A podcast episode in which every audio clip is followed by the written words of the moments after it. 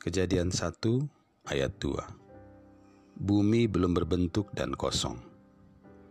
Frasa bumi belum berbentuk dan kosong memberi kita keterangan.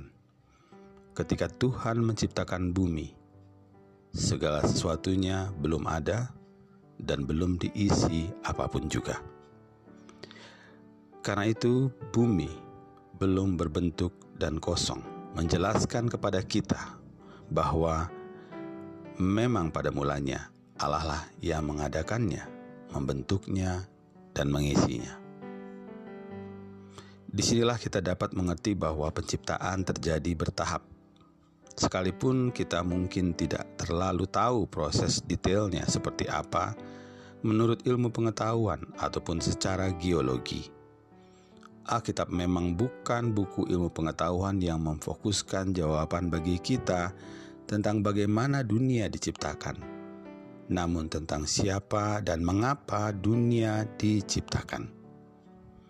Pelajaran penting dari frasa bumi belum berbentuk dan kosong bagi kita hari ini ialah agar kita kembali diyakinkan bahwa memang Tuhanlah yang mengadakannya, membentuknya dan mengisi bumi dan alasan bagi semuanya. Allah melakukan penyusunan, menatanya, dan membawa keteraturan. Ayub 26 ayat 7 menyatakan, Allah membentangkan utara di atas kekosongan dan menggantungkan bumi pada kehampaan. Karena itu hari ini apa yang kita anggap sebagai kerusakan, kekosongan, kehampaan, ketidakjelasan, ketidaktentuan, ketidakteraturan, sesuatu yang berantakan itu masih dan sejak awalnya berada di tangan Tuhan. Artinya hanya Allah lah yang sanggup mengubah semua itu.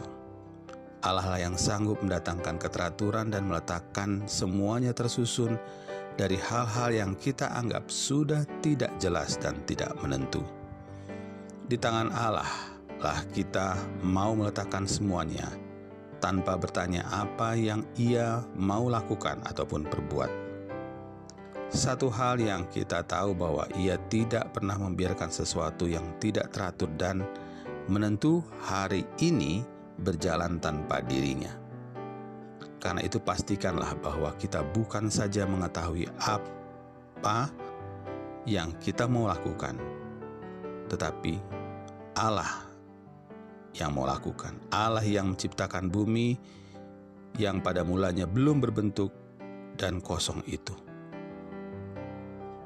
agar segala sesuatu kita serahkan untuk berada di dalam tangannya. Segala sesuatu yang tampak kacau dan makin tidak menentu di pandemi ini menunjukkan bahwa segala sesuatu itu masih ada di dalam kuasanya. Seberat apa pun dan sesulit apa pun itu menunjukkan hidup kita ada dalam kuasanya. Isilah hidup kita dengan Tuhan yang mampu membuat kita mengerti akan kuasanya dan mampu memberikan keteraturan dan kepastian. Mari kita berdoa. Bapa yang pengasih dan kekal, kami tidak tahu apa yang terjadi hari ini dan bagaimana masa depan kami. Namun engkaulah sandaran kami dan tanganmu lah yang menopang dan menuntun hidup kami. Ajar kami untuk tidak meragukan apa pun yang Engkau bisa lakukan bagi kami dan orang-orang di sekitar kami, bahkan mereka yang tidak kami kenal. Ajar kami juga untuk hidup dalam keteraturan dengan tuntunan firman-Mu. Tiap-tiap langkah kami hari ini di bawah pimpinan-Mu, pimpinan roh kudus-Mu dalam nama Yesus Kristus. Amin.